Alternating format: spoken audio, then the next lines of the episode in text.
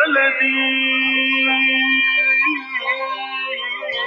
يا بلدي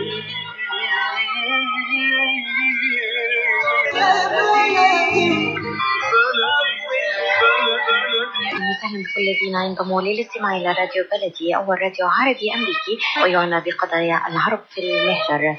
برامجنا في راديو بلدي كل يوم جمعة من الثامنة وحتى التاسعة صباحا في بث حي ومباشر عبر كي راديو 690 اي ام. صباح الخير بلدي صباح الخير لكل مستمعينا. Welcome to Radio Baladi, the first Arab, Middle Eastern, and American simulcast radio show. Radio Baladi is broadcast every Friday morning on WNZK 690 AM from 8 until 9 Eastern Time on Good Morning Michigan. Our call-in number 248 557 3300. And now, stay tuned for the best radio talk show on Arab and American issues.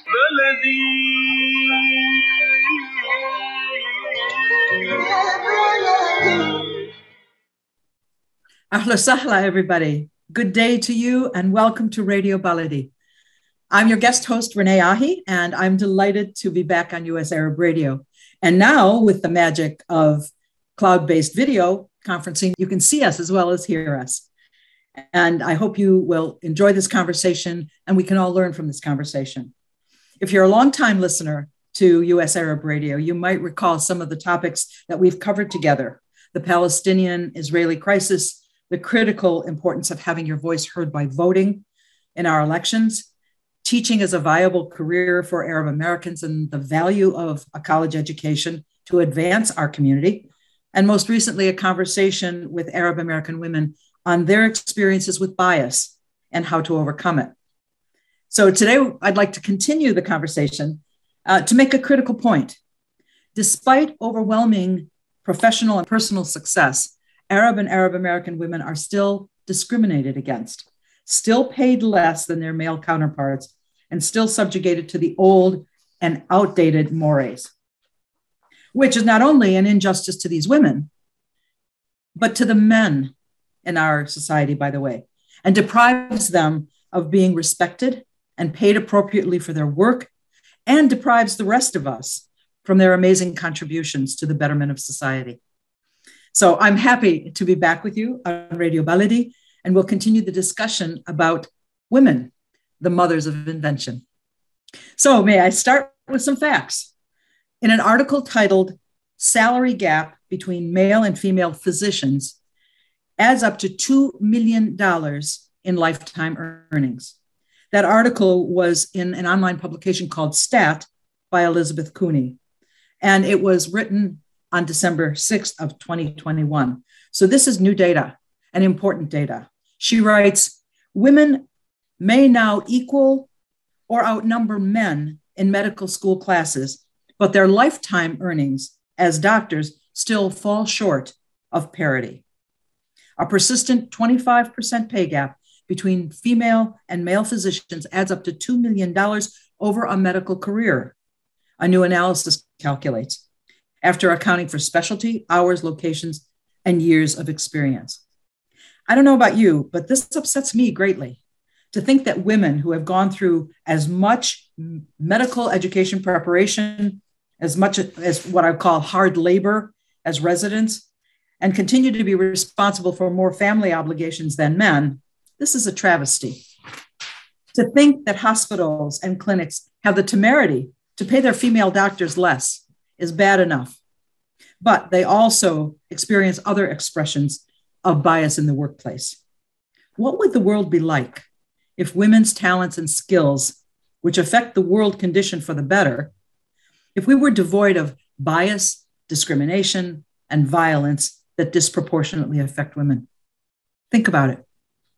Today, you'll meet two amazing Arab American women who will share their journeys into and through male dominated professions, what they have experienced, what they have accomplished, and what they believe Arab and Arab American women can do to overcome challenges that they face as well. So I'd like to first introduce you to Dr. Amal Al Shrouf, a pulmonologist and sleep medicine specialist Dr. Al Shrouf received her bachelor's and medical degrees from the College of Medicine at the University of Jordan in Amman and did her internal medicine residency and pulmonary fe- fellowship at St. Joseph's Hospital in Paterson, New Jersey.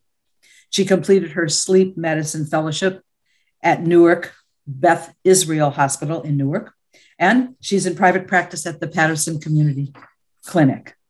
Originally from Amman, Jordan, Dr. Al came to the US in 1995 to pursue her residency. She's committed to the advancement of Arab American physicians and has undertaken leadership roles in the National Arab American Medical Association. Dr. Al welcome to Radio Baladi, and thank you for being with us. Let's start out by telling our audience a bit about you and your personal journey. There may be a misconception that education for women in Jordan was not accessible when you were younger. Yet you pursued a medical degree in Jordan and went on to important specialties in pulmonary and sleep medicine. So please tell us your story. Hello, Renee. Hello, everyone. Thank you for having me on this platform. Um, you know, coming from Jordan, I remember the journey on uh, into going to medical school. It was not an easy journey to start with. You know, as a female, even in amongst your family, your close family members, you have to prove to them that you can do what your brothers or cousins can do, the male brothers and uh, male cousins can do. Um, you know, you need a lot of support in the beginning from your your mother, your father. My late mother and father did not have high education, but they believed in education for women. I have an older sister who's a physician too. But I remember hearing stories from, you know, my cousins, my grandmother, like women should be, you know, wives and mothers. And, you know, even if they get an education, what are they going to do with those certificates? But my mom, may God rest her soul, was a big believer in education for women for, to improve their life, to, you know, even if they don't pursue a career, they should have a very high education and give be given equal opportunities. So uh, when I finished high school, I remember a conversation with one of my cousins when I was waiting for, you know, acceptance from medical school. He was, you know, asking me not to be a physician because it's going to be hard. Maybe pursue um, a career in dentistry because it's easier for women you know, whether or not he believed that we could do it as females, he didn't have that many, you know, educated uh, or female physicians in his life. So to start with, you have to prove yourself in your immediate small community and advance it. And go, when you go to medical school, your colleagues, you know, we were about like 15% of the group uh, in that class. And we were like, you know, be, being called nerds uh, because simple. It's if you're a medical student, you don't have much time to do what other students are doing. You, you know, you barely have time to take your notes and get your rotations done. I remember more than once being like told by other colleagues, male colleagues, when we're doing rotations, you got to go to the women's section in psychiatry. I'm like, why would you tell us that? You know, we're not back at the village where, you know, women only deal with women. You know, we have the right to, de- to determine where to go in the rotation, which, which floor to visit, and so on and so forth.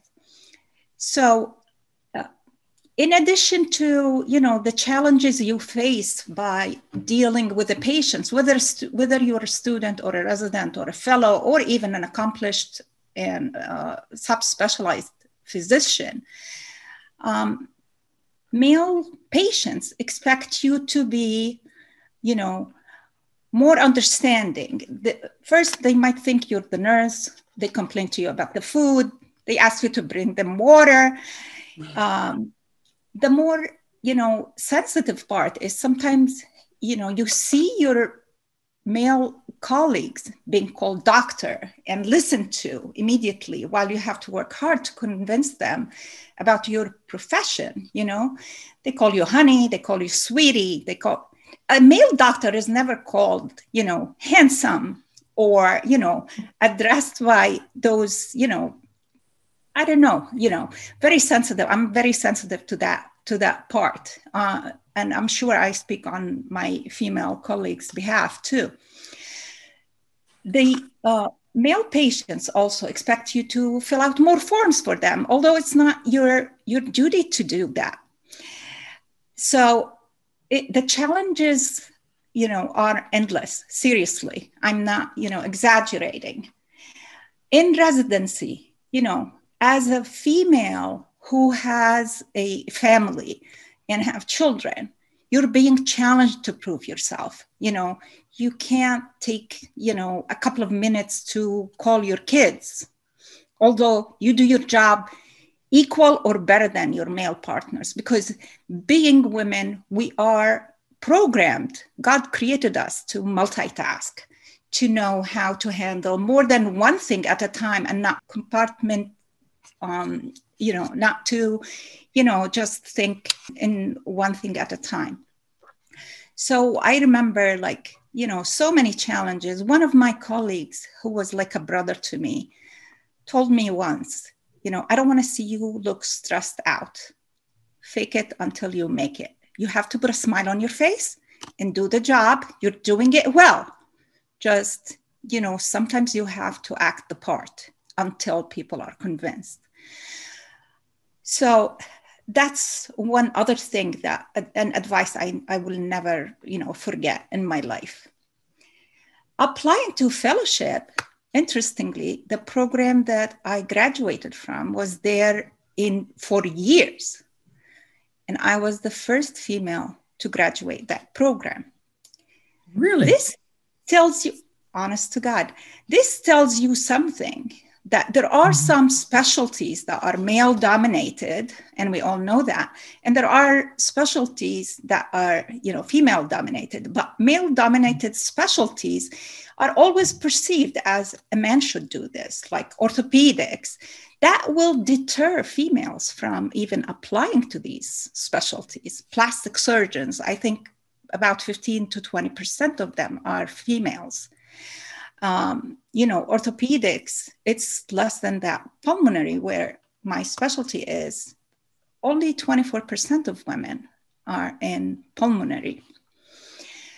Based on salary, salary-based, you know, pay, according to studies made by Medscape and MedStudy, female pulmonologists are paid 33% less, despite all the challenges, despite the fact that in the same study, they say like infectious disease, like Dr. Uh, Samia, and and pulmonologists are the most physicians that are asked to fill out paperwork and get authorizations done and so on and so forth so the challenges are endless. You know, I just um, encourage women to speak up for themselves and, you know, politely and professionally, you know, stop patients and colleagues from treating them in a different way and to take them seriously and to negotiate. Have a mentor. I remember one of my daughters, who's a vice president in her company, I had her switch jobs a couple of times because she was not paid as her male equal part partners yeah. who, you know, have the same education and they're doing the same job. And uh, at one year, there was a $15,000 gap in the pay when she was renegotiating her, her salary. So when it comes to this world, I think we have a lot to accomplish. We have to encourage women, empower women. Um, female soccer uh, team in the U.S. just won a case. They won the World Cup, and they they found out that they're being paid much more than the men's soccer team, and you know they just won that case, and hopefully that will improve and help other companies and other teams to um, appreciate women more and not take advantage of the gender bias. Um, I'm going to stop you there for one second, uh, Dr. Al-Shroof, because we're going to take a bit of a break. When we come back, we'll talk to Dr. Al Shroof a couple moments about her experience when she came to this country. So stay tuned. We'll be right back. While we've been staying safe at home, scientists have been on a journey.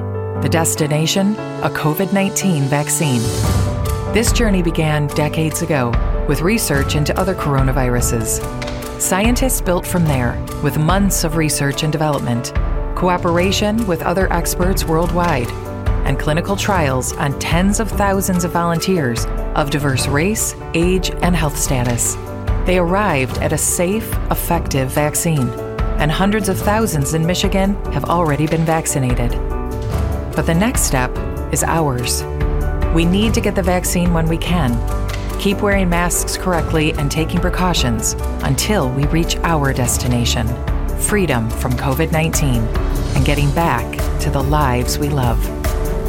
Discover the facts for yourself at michigan.gov slash COVID vaccine. A message from the Michigan Department of Health and Human Services. Life is a nonprofit charity that's provided humanitarian aid and development to people and communities for over 25 years, regardless of race, color, religion, or cultural background. When disaster occurs here or around the world, Life for Relief and Development rushes in to provide food, medical aid, and shelter to those in need. Please help improve these efforts. Make your tax deductible donation to Life now at lifeusa.org or call 248 424 7493.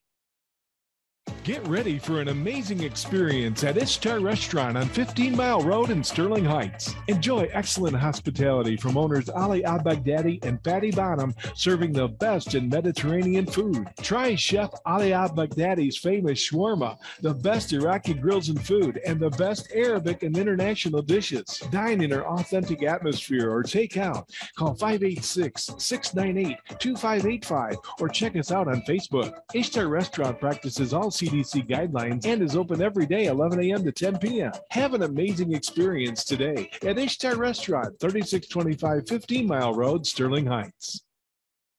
Hello again, everybody. This is Renee Ahi, your guest host on Radio Baladi, and you're visiting today with Dr. Amal Al Shroof and Dr. Samia Shafi. We're talking about an important subject, and that is the discrimination against women at even at the very highest levels of our if you will, our professions and our societies. They're physicians. So thank you, Dr. Al Shroof. Thank you, Dr. Samia Shafi, for being with us. And you were telling us a little bit about the, the support that you gave um, your daughter when you realized that she was not being paid equitably. And that is that appear, appears to be across all professions. I can tell you a little bit uh, and the audience a little bit about our experience as public relations professionals when it was dominated by men they were making quite a fine salary. And as it became the feminization of public relations, salaries dropped. And I, I and even at the senior levels. So we want to find a way in our country here to get rid of those disparities. And we'll talk about the advice that you and Dr. Shafi have for our Arab and Arab American women in a little bit. But tell us a little bit about your experience when you came to the United States. Was your heritage, your religion, your accent, were they also barriers to advancement for you? Of course it was. It's always have been. I mean, maybe in the recent years, uh, you know, with the use of social media platforms, people are seeing more Muslim women, more Arabs. They're introduced to the Arabic heritage and more of the Arabic culture and Arabic food. But back then in 1994, when I came to the States, which, you know, for a woman to wear a hijab or a head cover, um, there are funny stories that I can tell when I used to drop off my daughter to school. A lot of people would think I'm a nun, which is, uh, you know, an honor because nuns are looked at with respect. But also, like when you go to department stores, they look at you, what you're wearing, are you going to be able to speak the language? Are you going to be able to press the keypad or sign it? And you know what car are you driving? Do you deserve that? I mean how come you're here and you're taking opportunities from you know the people that are here in uh, at the level of you know when i was trying to change my international license i remember i went if you have an international license at that time and you come to the united states you only have to take the written part of the test. So i took the written part and the lady at the dmv insisted that i have to take the driving part. And um, you know i told her a little lie which was not a real lie uh, I have to pick up the kids from school and I'll be back. And I surely did pick up the kids from school and I went with my result to another DMV and I got my license that day. So I can't begin to tell you about the discrimination uh, against, like, you know, head covered women, especially at the times where politics were intense around, you know, we all remember the 2001 um, Absolutely incident, which is a tragedy, I remember being supported by my program director in, in medicine and my chairman. They were very supportive. We were in a Catholic hospital and they approached me and asked me if there are if there is any bias. So there are good parts of this. When they see you doing your job professional enough, you have the support. You just have to earn the trust. So people to judge you without dealing with you. That was the hard part. Yes. But once people got to know you, you easily could earn their trust, which was an amazing thing. Well, I want to thank you for being here because I would like to also ask some of these same questions to Dr. Samia, because um, I agree that you know what you're talking about has affected all women who enter the professions, whatever they are, you know and and it's they're they're they're even more intense for women who choose to cover arab american women who choose to cover. So um, dr samia welcome to radio baladi. And i would love to ask you some of the similar questions to dr amal because you two were educated in uh, in Jordan, and one of the things I wanted to tell the folks is that you also had your medical degree from the University of Jordan, where and and you came here you have your, your uh, residency in internal medicine and your fellowship in infectious disease from St. Michael's in, I think it was New Jersey, was it not? Yes, Newark, okay, New Jersey. Yeah, mm-hmm. yeah. And so I, you now work in in Houston, Texas, and as an infectious disease specialist, and I'm sure you've been terribly busy over these last two years with COVID, un, probably unbelievably so. And for yes. that that reason, also, thank you so much for being on, on Radio Baladi. Would you tell us a little bit about your experience about uh, in Jordan and and since you've come to our state and and you know your adopted home? Yes, definitely. Thank you, Renee, for allowing me to participate. Hello, everyone. Um, I would like to start to say that I had great support from my parents to study medicine. I had two uncles who were physicians in the family, and they encouraged me. And at the same time that I entered medical school, I had two female cousins same age as myself, we studied medicine. So that was a good yes. achievement uh, from the females in, in, in, my family. But obviously, it wasn't a road without blocks and without difficulties and uh, whatnot. Um, I remember when I was going to medical school, one morning my father was taking me to the bus stop, and our neighbor, a very nice, well meaning uh, gentleman, who said to my dad, So, where are you taking your girls? And he told him, I'm taking them to university. What is she studying? He said, Medicine. He said, No, you shouldn't be sending her to college. Uh, girls belong to uh, at home with their husbands to have children and to take care of the house. So my dad said, Thank you so much for your comment. I'll think about it. And of course, he just wanted to be polite and we finished medical school. Years later, this gentleman gets admitted to the hospital at Jordan University Hospital. So my senior resident sent me to take care of him. So I wasn't sure if he remembered me or not. So I was nice to him, you know, hello, uncle, can I help you? He had his slippers under underneath his bed. So he said, Can you hand me my slippers? And I said, He must think I'm, you know, like I don't know what he thinks. So I said, Oh, uncle, do you remember I'm the daughter of Mr. So and so, your neighbor? He said, No, I know. And I'm talking to you as my daughter. Can you please hand me my slippers? so I felt ashamed and I gave him his slippers. So it started off with, you know, and of course, some people tell you, Why do you want to go through the trouble of going into medicine? You're going to hang your degree in the kitchen. So things like that. And then, mm. you know, your colleagues look at you, you're competing with them, you're there.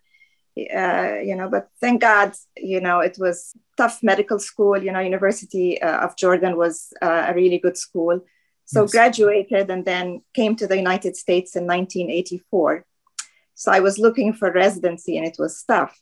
Talking about discrimination as a foreign medical graduate is a big issue in addition to being a female. So I remember started to apply to different places and you know I got rejections saying in 10 years we have never allowed a foreign medical graduate to come to our school this and that finally, when I got my residency, it was um, an unexpected opening at St. Michael's when one of the residents had to leave.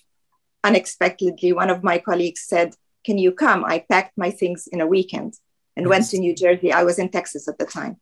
So I ended up going there. And the first thing, you know, we're going to offer you the year, but we don't guarantee you the next year or the year after. So you work for one year and you feel like so insecure what am i going to do? What's going to happen next? But thank god you know i was able to go through um, the full residency and of course the fellowship. And same thing reiterating what dr al said you get your colleagues saying after i finished the medical uh, residency he said one of them said he worked with me on one rotation and i knew he had more experience than myself. So i said you know what? I'm not going to interfere in your work.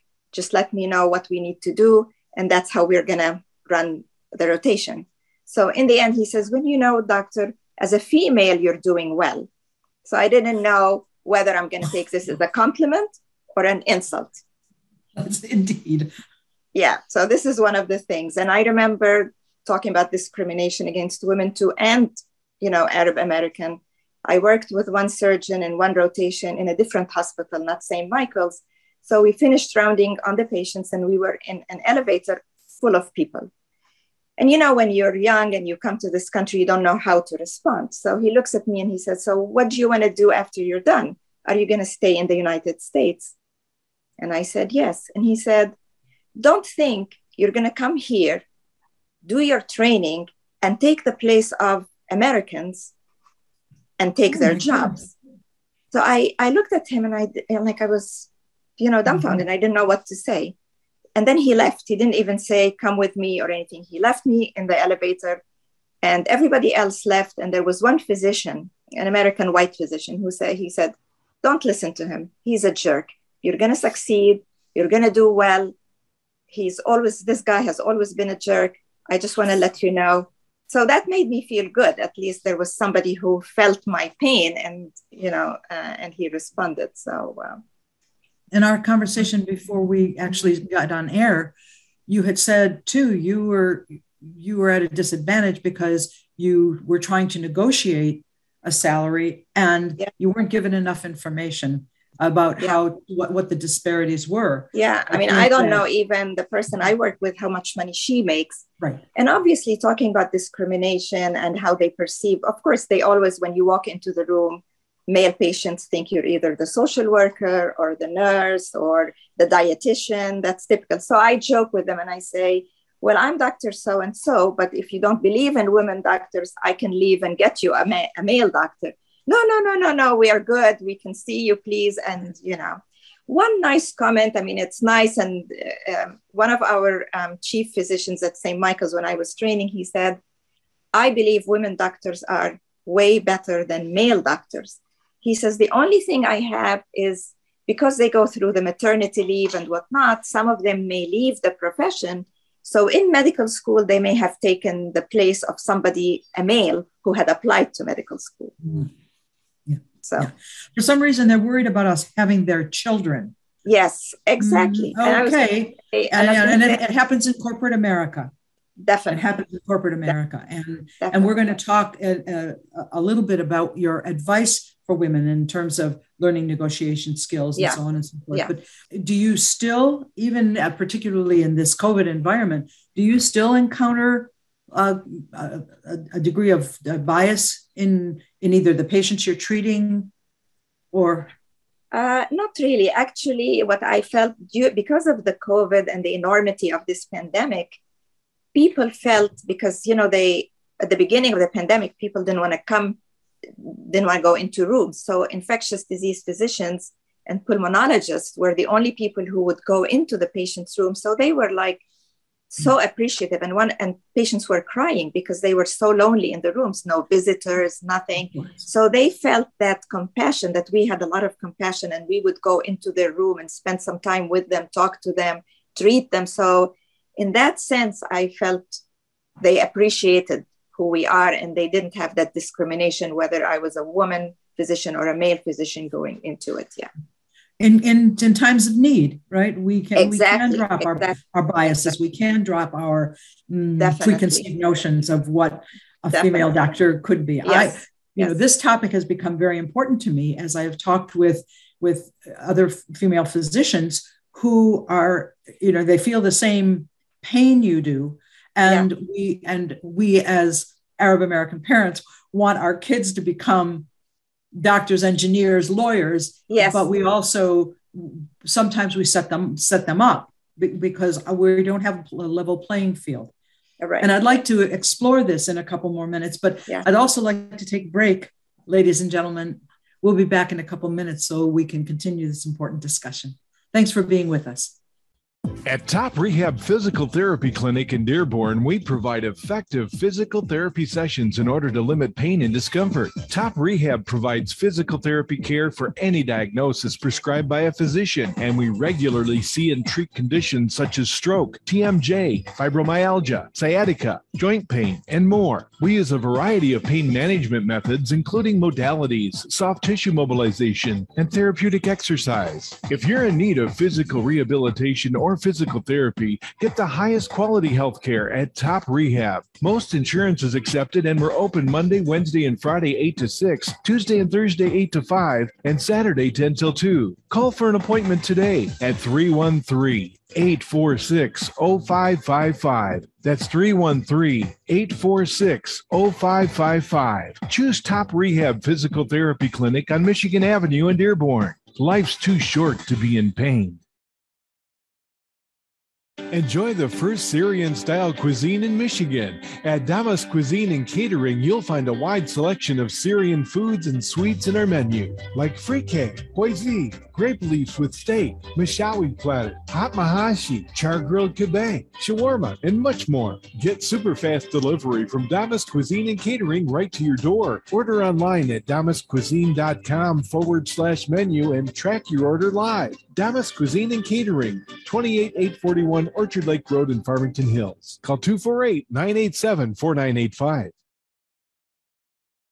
When it comes to reproductive medicine, IVF Michigan fertility centers are the recognized leaders. With locations in Bloomfield Hills and five other cities in Michigan and Ohio, IVF has experts in all aspects of the field. As a founding member of IVF Michigan Fertility Centers, Dr. Nicholas Shama is one of the leading reproductive endocrinologists in Michigan and Ohio. Dr. Shama has performed over 10,000 IVF cases and has helped thousands of couples fulfill their dreams of parenthood. American board certified in both obstetrics and gynecology and reproductive endocrinology and infertility, Dr. Nicholas Shama is a very caring, compassionate, expert physician that understands not only the medical but also the emotional toil of infertility on his patients. When it's time, get personalized care from Dr. Nicholas Shama at IVF Michigan Fertility Centers in Michigan and Ohio. Call toll free 855 952 9600. 855 952 9600. In a perfect world, everyone would be a perfect driver. Hands at 9 and 3, everyone. 9 and 3. Everyone would follow all the rules. Please, go ahead and merge. I'll make room. Thank you, fellow driver. And nothing unexpected would ever happen. Even the squirrels would know the right time to safely cross the road. In this perfect world, you wouldn't have to wear a seatbelt. But in case you hadn't noticed, we don't live in a perfect world. About a thousand people in Michigan die each year in vehicle crashes, and thousands more are injured. Wearing your seatbelt reduces your risk of death in a crash by 45% in a car and by 60% in a pickup truck.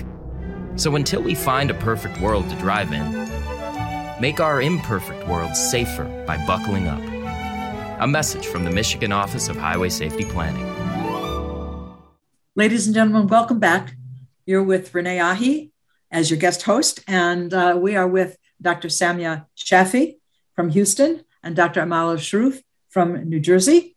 And uh, we're back to talk about an important subject, and that is that even in our society nowadays, you'd think 2022 we'd get a little bit more parity. Physicians, female physicians, make 25% less than their male counterparts in the same profession with the same amount of ed- educational experience and professional experience. And as we were off air for a moment, Dr. Al Shroof was telling us too that during COVID, there are two physicians who need to be in the room or need to be on a case. And these two women represent those professions the infectious disease specialist and the pulmonary specialist. So uh, it's critical that the work that you do. And I have also been uh, exploring for our organization called the National American Arab Nurses Association a discussion about how medical professionals have actually become the surrogate or the the patient's family when they can't come in and you they they die in your hands.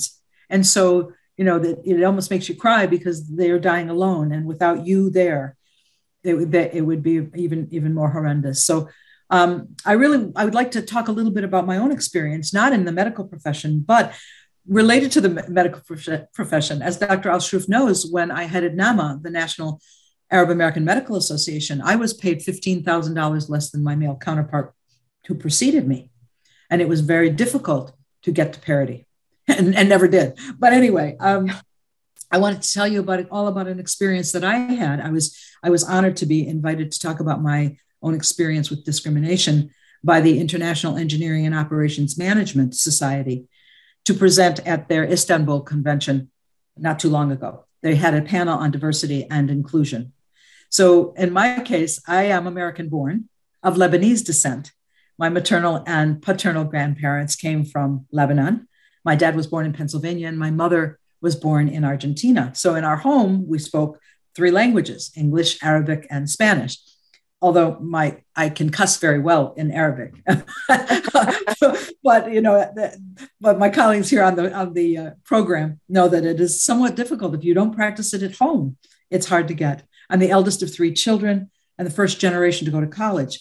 But as a child, I didn't feel different until I went to school. Well, well, there were other girls with who were thin, straight hair. Mine was very, very curly and I was teased about my one eyebrow and you know curly hair and being chubby.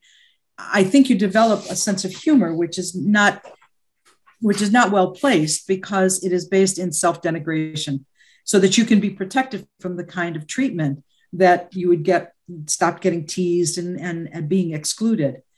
I went to Catholic schools from elementary through college, and it was from high school and college where I came into my own and into the profession of communications. But because we attended all girls' high schools and all women's colleges, the, the sisters, the nuns, encouraged us to use our, the brain that God gave us and said, God gave you a brain, He expects you to use it. And so I didn't realize what gender bias was until I got my first professional job. And two very similar experiences that my guests have had. One day on the job, I had worn an outfit that was the style of the day, and the division manager in front of several of my colleagues said, Hey, Renee, if you wear that top every day, I'll give you a raise. I was mortified. I was embarrassed. I was shocked. And I, I never liked him very much anymore after that. But it was that it was somewhat acceptable at that time and, and did not realize, he did not realize what that did in terms of my estimation of him and the, res- the respect that I no longer was able to give him. Um, my being fair skinned and speaking without a foreign accent has spared me the kind of discrimination and ethnic, you know, that ethnic uh, looking women or women who wear the hijab suffer every day. My own experience was with, with bias was the, the economic situation where I wasn't being paid equitably and, and hitting the glass ceiling when I was in corporate America.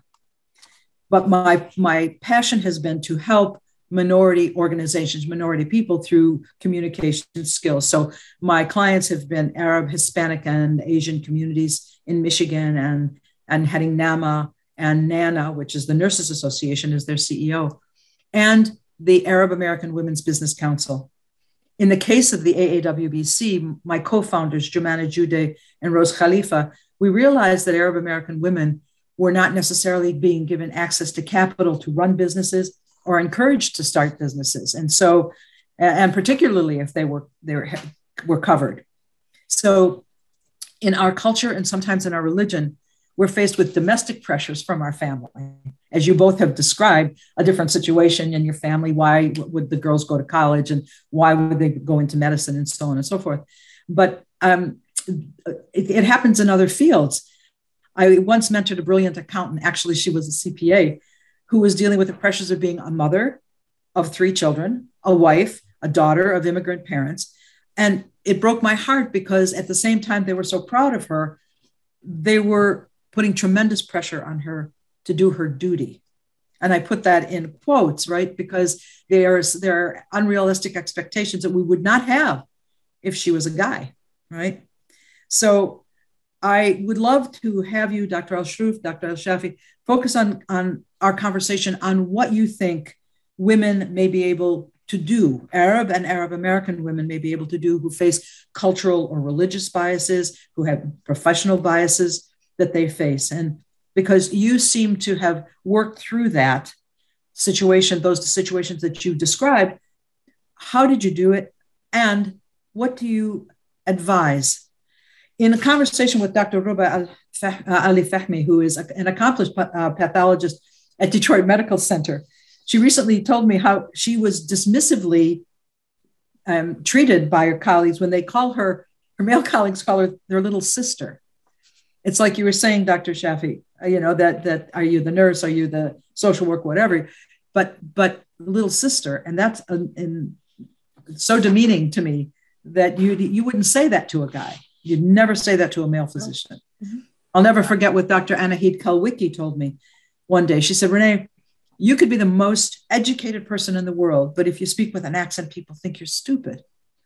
At that time, Dr. Anahid was the leading health officer for the city of Detroit and she went on to be the provost and the, the dean of nursing for universities around the country, prestigious ones. And that never left me because, as a daughter of an immigrant mother and immigrant grandparents, I always thought that it meant you were smarter. You learned, you knew different languages, you experienced different cultures.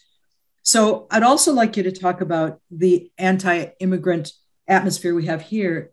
Is what Dr. Anahid told me still true? So, how do you how do you advise our women to deal with what you've experienced and maybe too you can talk about what your daughters have experienced so uh, if you allow me to start with i mean i think we're we're coming along and it's a little bit better than before disparity amongst uh, men and women is very obvious all over the world um, add to that the background, uh, the different ethnicity, the you know speaking a different language, just like you said. Like we we speak, I speak three languages. I speak Spanish, Arabic, and and and English. But what we have to do is have women have mentors, do their research, um, ask. Don't you know? Be polite, but be professional too. Like don't accept those little hints and comments that you know are thrown at you whether from patients or colleagues or other people educate our daughters our sisters our you know friends about how to be confident. Be professional do what you do in a very professional way and do not accept you know less. Ask about the salaries what you're uh, uh, counter colleagues are getting and ask for the same. And if not don't take it. Don't don't accept less. Uh, teach our daughters to be more confident in themselves appearances are important overall in this society at this day and age but you should not be treated as an object you know? We see this um, all over the world. And you know recently in hollywood we have seen a lot of things just like you said uh, about how women are perceived uh, you know whether uh, what they're wearing or what they're covering or not covering. So educating uh, our daughters, our sisters, and our friends uh, about how to negotiate is an important thing and present ourselves professionally, you know, and take it or leave it. Just be more confident. Be more confident, be polite, be political, but don't don't take what you don't have to accept. You know, don't take it.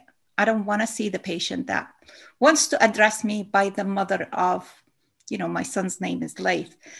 Uh, you know, he keeps insisting on what's your name, what's your son's name, so he can address me by that. So politely, you know, object, politely object, and and don't don't take it. And so let me ask a question before we move on. How would you do that? Let's let's say the comment that that Dr. Uh, Shafi received in the in the elevator, for heaven's sake, she was young. Of course, we're not necessarily enculturated to, you know, hey, say that again, and I'll give you one. Um, how do you how would you respond, Dr. Shafi? If you if it happened to you again today, what might you say so that this would that we can help our women who are listening here, and and uh, you know we have a message for the men is to be respectful. You wouldn't want this to happen to your daughters. You wouldn't want this treatment to happen to your wives. So why do you deliver it to other women?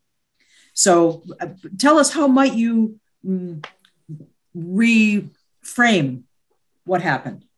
Yeah, I would say politely, I'm sorry, I didn't understand what you really meant. I think I will have the qualifications and the, eh, you know, the, the experience to apply for any job. And it's up to the place to see I'm fit for the job or not. So this will give him the hint that it's not up to you. You don't decide where my future is going to be.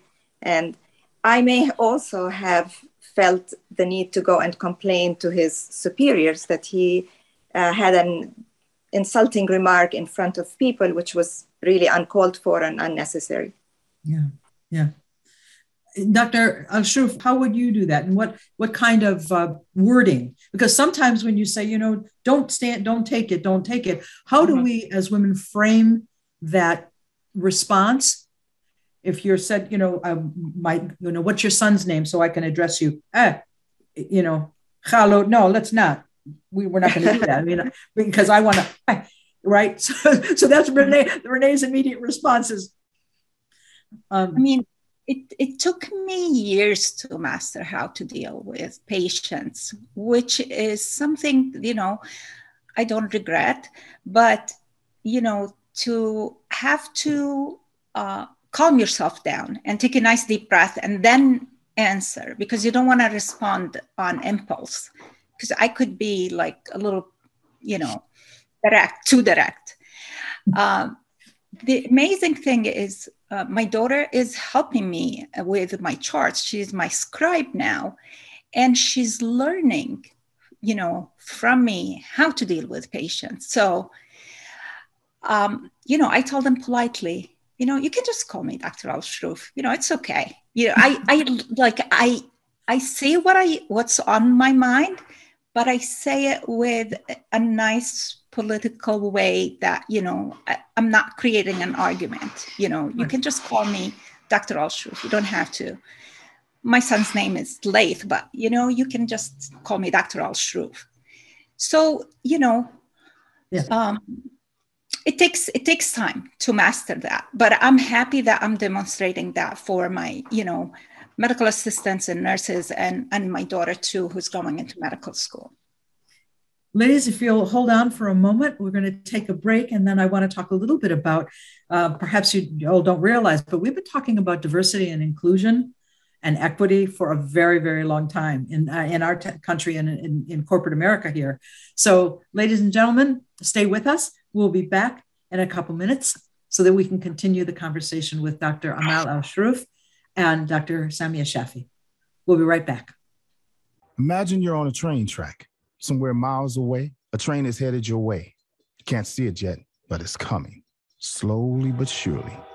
If you have prediabetes or you're at risk for type 2 diabetes, you may be on the wrong track, and diabetes could be heading your way. Bit by bit, the danger is getting closer and closer. So, should you stay on the track you're on now or move to make a change and reduce your risk? If you have prediabetes or you're at risk for type 2 diabetes, you may qualify for the National Diabetes Prevention Program in your local community.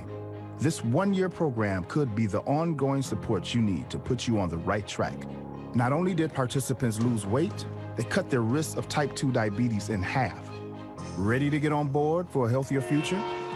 Learn more about the National Diabetes Prevention Program and what else you can do to manage and prevent diabetes at michigan.gov/diabetes. A message from the Michigan Department of Health and Human Services. When you're looking for the best in optical care, Dr. Imad Nakash is your doctor to see.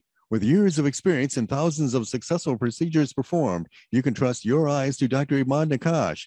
See Dr. Imad Nakash and his professional staff for your eye care needs. There's two locations to serve you. In Hazel Park, call 248 336 3937. 248 336 3937. In Rochester Hills, call 248 299 3937. That's 248 299 3937. Are you going to start a restaurant or a grocery store soon? Do you need floor plans and designs? Call Najee Abood at 734 744 9796. Do you want to buy kitchen and restaurant equipment at discount prices?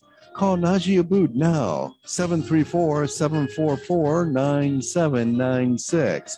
New Concept Products and Design, the trademark of kitchen equipment. 5% discount on all purchases of $75,000 or more. New Concept Products and Design, new location, 31 185 Schoolcraft in Livonia. Learn more at www.newconceptproducts.com. Call Najee Abood, 734 744 9796. Are your hands feeling numb? Do you feel pain opening up a jar, turning a key? Are you noticing that your elbow and your shoulder are becoming stiff? Or were you recently injured in your arm?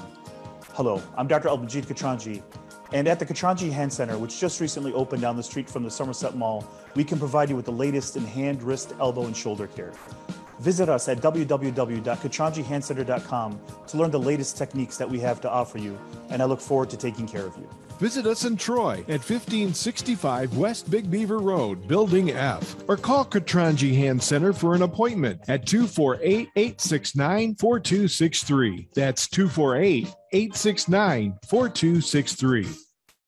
Welcome back, everybody, to Radio Baladi and a conversation with Dr. Amal Al Shroof and Dr. Samia Shafi. We were talking about tools that Arab and Arab American women might use as they encounter discrimination. I wanted to let everybody know that this is not a new topic.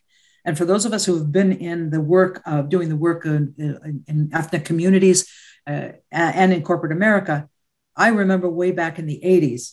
That might tell you how old I am, but we were talking about this in our in the banks that I worked at. We had diversity committees, we had sensitivity training, training, and all of that. And decades later, we're still fighting that same fight. And so we started to talk about negotiation skills. I think, uh, Dr. Shafi, you mentioned it. How does a woman then develop the gut for, the confidence for negotiating on her own behalf, being her own advocate?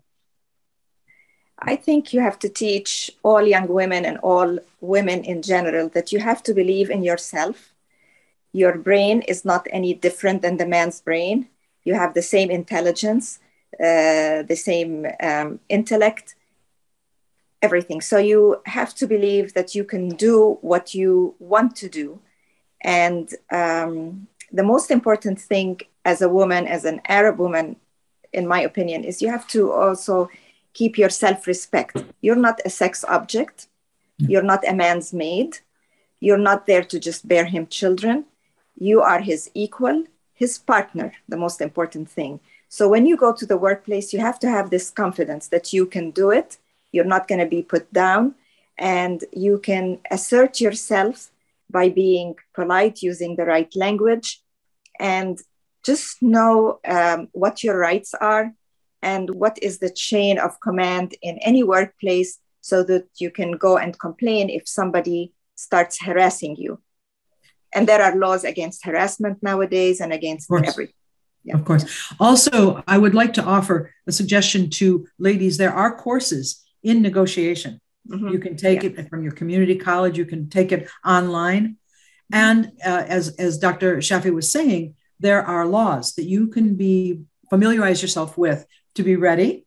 Yes. You know, you don't want to get into a fight. That's not the point no. here. But we do have a message for all of those in, and the legislatures.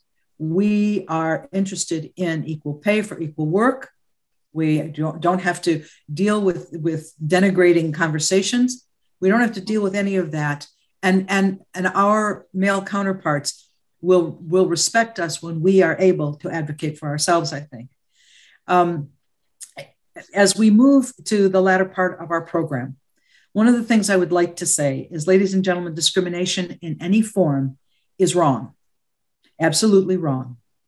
Honoring and valuing diversity, equity, and inclusion have long been recognized as hallmarks of good business and a good society. So, our treatment of women who are our mothers, nurturers, sisters, daughters, brilliant minds, then world leaders must be equal and equitable for our world to flourish and to survive, and to give our children, our male and our female children, a role model of what is a good society, what is an equitable society, what is a, a the way it should be. And so I quote, I saw a quote from American actor Meryl Streep not too long ago. As we wrap up our program today, I'd like to leave it with you to ponder and then to take what I call right action. She said, I do honestly think that if women were running the world, there would be more investment in peace. Because basically, as women, we do not want to see our children killed. Maybe I am completely idealistic, she said, but until we see women in equal positions of power in the world, I just think we are doomed. And that hit me as a very important statement. Mm-hmm we have a lot as Arab Americans to be proud of. There are certain things that we want to work on, certain things we want to, to improve on, and that's the inclusivity and the equal treatment of our Arab and Arab American women in our households as well as our society. So, do you have any parting comments, Dr. Al Shroof, Dr. Al Dr. Shafi? I mean, for myself, um, I think we have a long way to go. Um, being uh, discriminated against as Arab women is not uh, is not a surprise in America, the first country in the world where so far we did not have a female president. So, you know, when just like you have said, we gotta have the confidence in ourselves and in our capabilities and professionalism and fight the fight. Be political, be polite, but stand your ground. You know, fight for your rights, fight for your position, and for equal pay. Not having a female president in the first country of the world says tremendous, you know, things. You know, we know who ran. We know Hillary Clinton ran, and she was educated, had all the um, all the equipments and the tools to be an amazing president, but she didn't win. I'm not trying to talk politics, but uh, in general, you know, the bias is there and it's going to be there. But it's our job to educate uh, our kids, uh, our friends, everyone that we can do it and we can probably do it better than anyone else. And we're just as smart and educated and professional. That also speaks, ladies and gentlemen, to the importance of voting. Dr. Shafi, do you have any parting comments? Uh, yes, I feel more hopeful and optimistic because the women of our generation who had gone through the uh, discrimination in the workforce will educate their daughters and also their sons. It's very important to educate the sons before the daughters to respect your sisters, your mom, and then you can respect your colleagues they're your equal partners and they're not your sex objects i think if we go from that platform our young generation i feel have been educated a little bit differently than the older generation and i'm so hopeful that the future is better for women Thank you so much to our guests, Dr. Amal Al Shrouf and Dr. Samia Shafi, for sharing your experiences and your sage counsel. Thanks to all of you for joining us today on Radio Baladi. Stay safe, everyone, and have a great day. Thank you. Thank you for having us. Thank you.